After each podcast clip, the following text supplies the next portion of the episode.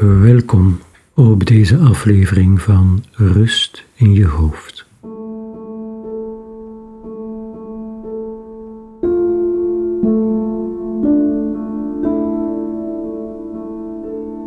Ik zou je willen uitnodigen om je hoofd even tot rust te laten komen door de knop om te draaien en op te gaan in de beleving van een mooi of boeiend verhaal. Maak het je makkelijk.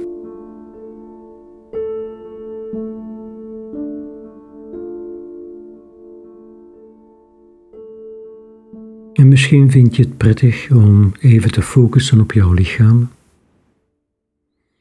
en meer specifiek op de raakvlakken van jouw lichaam met de ondergrond waarop dat je zit of ligt.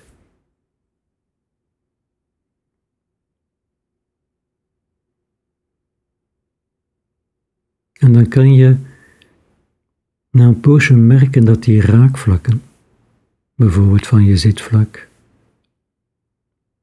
of van je rug,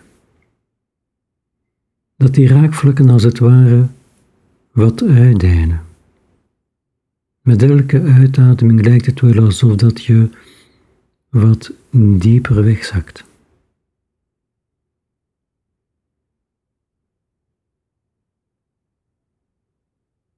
En als je dat prettig vindt, dan kan je dat nog een poosje blijven verder doen. Dat idee van met elke uitademing dieper en dieper wegzakken in die ondergrond. Maar toch ook niet te diep, want zodra volgt een mooi en boeiend verhaal over Len Howard. Len Howard was een dame die zich in de tweede helft van haar leven terugtrok in een klein huisje op de buiten, het Engelse platteland, om daar te gaan leven met vogels.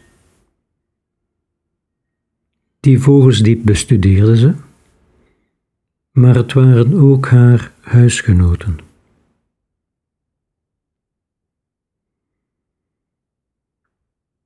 Het fragment dat je gaat horen komt uit Het Vogelhuis, een boek van Eva Meijer. En Eva Meijer was gefascineerd door die Len Howard.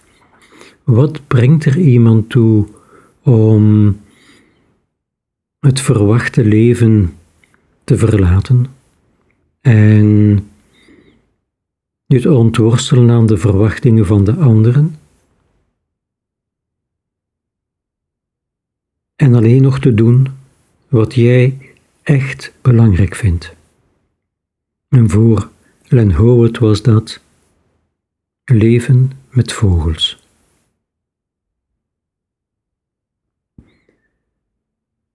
Het boek van Eva Meijer bevat af en toe fragmenten waarin dat Len Howard het heeft over haar vogels en meer specifiek over één vogel, haar lievelingsvogel, ster. En daar gaan we het over hebben.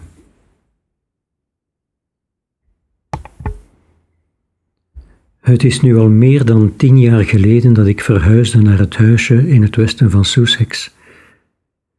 Een huisje dat ik het Vogelhuis zou noemen. Het ligt aan een stukje bos en vlakbij een natuurgebied waar talloze vogels en andere dieren leven. Houduiven en koekoeken, vossen en dassen, veldmuizen en mollen, buizerds en bosuilen, tjiftchaffen en tafeleenden. In de bomen en struiken om het huis woonden een groot aantal kleine vogels, zoals merels, koolmezen, roodborsten en mussen. Ik zette een voertafel voor ze neer op het plaatsje aan de voorkant van het huis, die ik om zeven uur ochtends en om vijf uur middags met allerhande lekkernijen vulde. Tevens zette ik een badje neer en hing ik een paar nestkastjes op, aan het huis en ook aan de oude eik en de appelbomen. Het duurde niet lang voordat de eerste nieuwsgierige mezen kwamen kijken. Ze werden direct weggejaagd door mussen die, als ze de kans krijgen, elk gebied overnemen. De mussen waren echter banger voor mij dan de mezen, en omdat ik veel op het bankje in de tuin zat om de vogels te observeren, kregen ze allemaal de kans van het voer te eten en de veranderingen in het huis te inspecteren. Ik arriveerde in februari 1938. De meeste vogels waren al bezig met het zoeken naar nestgelegenheid en in sommige gevallen naar een geschikte partner. Ze hadden meer oog voor elkaar dan voor mij. In de loop van maart begon dat te veranderen. Een van de koolmezen, Billy, een ouder mannetje met een fiere houding en een harde stem, was brutaler dan de rest. Iedere ochtend vloog hij als eerste naar de voertafel en iedere middag kwam hij naar het vogelbad om zich uitgebreid te wassen. Op een warme dag in april vloog hij door het open raam naar binnen, maakte hij een rondje door de huiskamer en vloog snel weer door het raam naar buiten. De volgende dag kwam hij weer. Koolmezen leren onder andere door goed naar elkaar te kijken en binnen de kortste keren kwam Groentje, Billy's partner, die ik zo noemde vanwege de groene gloed die over haar veren lag, met hem mee naar binnen.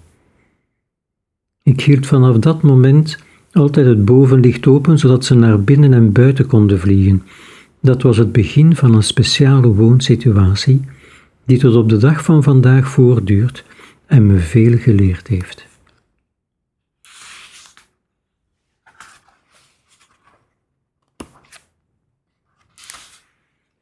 Billy en Groentje waren tijdens hun eerste bezoekjes nog wat onwennig, maar al snel bleven ze in huis plakken, zeker toen de herfst overging in een winter met wekenlange sneeuw. Andere koolmezen volgden hun voorbeeld en die december zochten de eersten al slaapplekken in het huis. Hun keuzes waren niet altijd gelukkig. Ze maakten nestjes tussen de gordijnrails en het plafond, of in de rand van de schuifdeur, waardoor ik die niet meer dicht kon krijgen. En dus hing ik zelf her en der kastjes op, oude kartonnen verpakkingen, oude kistjes. Ze begrepen altijd vlot wat de bedoeling was en al gauw hadden verschillende koolmezen een eigen nestje veroverd. Binnen maakten ze minder ruzie om de nestkastjes dan buiten, misschien omdat ze het als mijn territorium zagen. In het broedseizoen zoeken ze overigens altijd buiten een plek. Er heeft tot dusver nog geen mees in het huis gebroed. Waarschijnlijk hebben ze hier toch te weinig privacy.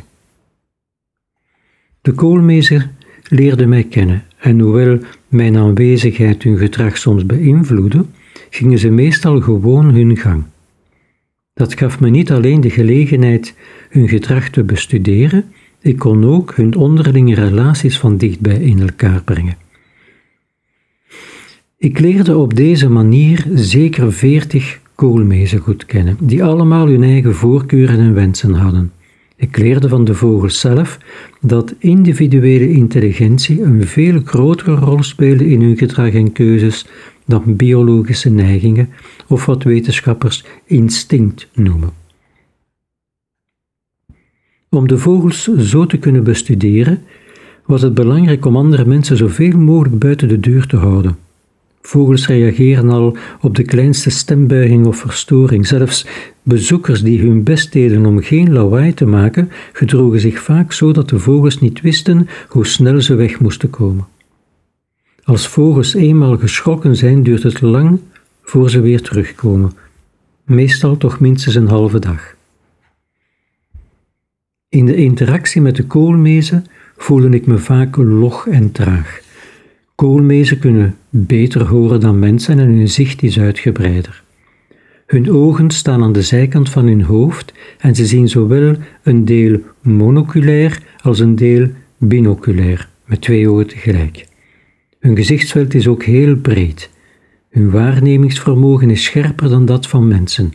Ze zijn dan niet alleen veel gevoeliger voor verstoringen van hun leefomgeving, ook voor weersveranderingen, voor de kleur van fruit en vooral van bessen, voor de bewegingen van andere dieren. Er zijn natuurlijk ook genoeg overeenkomsten. Net als mensen hechten ze aan gewoontes en hebben ze vaste rituelen, bijvoorbeeld met eten en slapen. Meestal slapen er een stuk of zes, zeven koolmezen in de nestkastjes binnen. Sommige komen alleen binnen wanneer het echt koud is. Anderen slapen het grootste deel van het jaar in een doosje in de rand onder het plafond van de slaapkamer. Vogels communiceren net als wij op talloze manieren met elkaar, door middel van roepen en zang, hun houding, het geluid dat hun vleugels maken, oogcontact, aanrakingen, bewegingen, dansjes. De interactie tussen mij en de koolmezen werd al snel net zo rijk en divers. Ik sprak regelmatig tegen ze. Ze wisten door de toon van mijn stem vaak intuïtief al wat de bedoeling was en leerden na verloop van tijd de betekenis kennen van de woorden die ik gebruikte. Ze begrepen de gebaren die ik maakte en we maakten oogcontact. Ook kwamen sommige vogeltjes graag bij en op me zitten. Vogels zien mij altijd eerder dan ik hen. Als ik mijn gezicht naar ze toedraai, zijn ze al naar me toegedraaid. Het is niet alleen dat ze me eerder zien omdat hun ogen aan de zijkant van hun gezicht zitten, ze bewegen ook vlugger.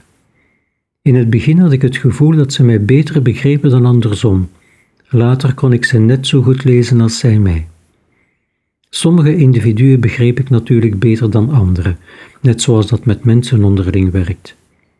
Een paar vogels waren heel speciaal. Kaalkopje, de mannetjeskoolmees die in zijn laatste levensdagen zo tam was dat hij eigenlijk de hele dag op schoot zat. Twist, een dapper en heel intelligent vrouwtje, mijn eerste gids in koolmeesentaal. En natuurlijk Ster, de slimste koolmees die ik heb mogen kennen en degene met wie ik de hechtste band heb ontwikkeld.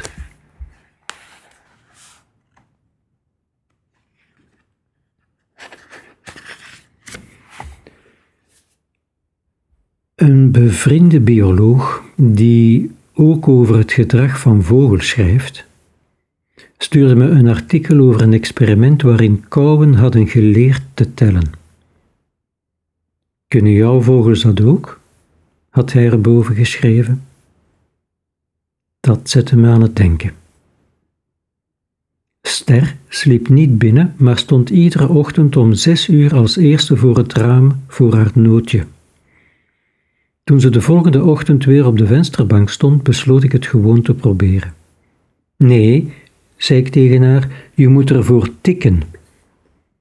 Ik keek in haar ogen en zei heel duidelijk: tik, tik. Ik tikte met mijn knokkels op het hout. Ster tikte twee keer tegen mijn raamkozijn met haar snavel. Daarna vloog ze naar mijn hand voor haar nootje.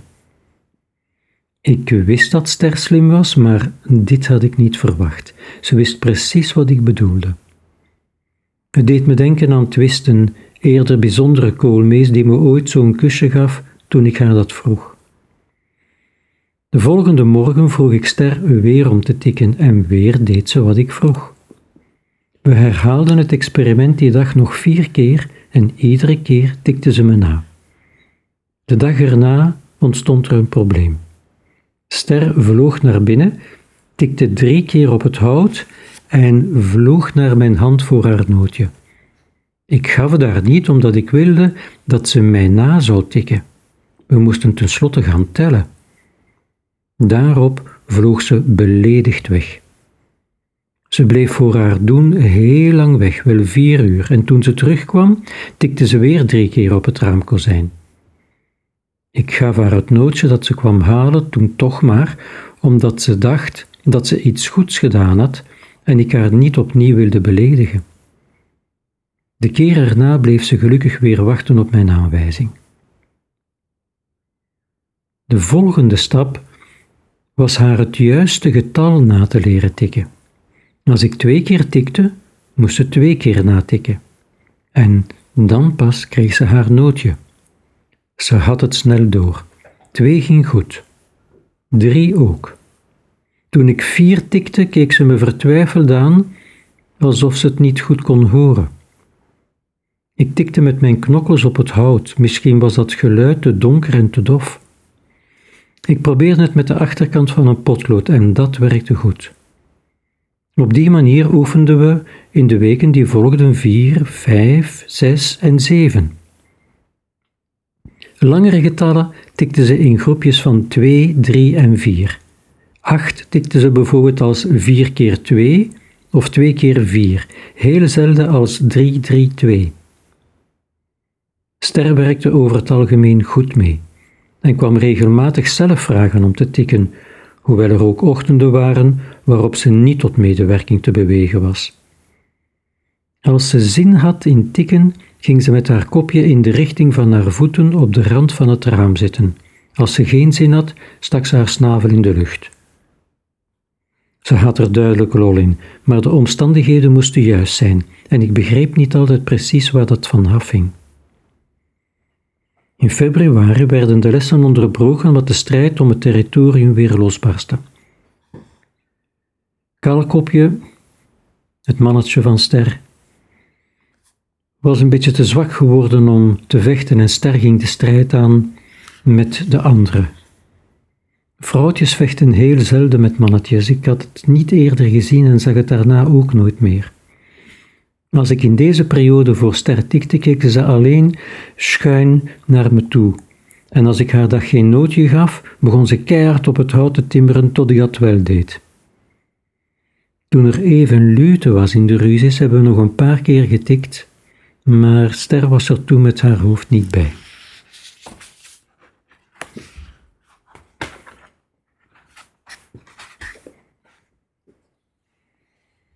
In oktober kwam Ster weer op het raamkozijn zitten in de houding die aangaf dat ze wilde tellen. Ik tikte vijf keer en zij tikte vijf keer. In de weken die volgden bleven Ster en ik oefenen.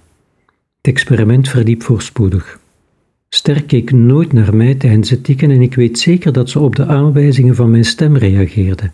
Ik zorgde ervoor dat ik geen aanwijzingen gaf met mijn lichaam. In november probeerde ik andere koolmezen voor het tellen te interesseren.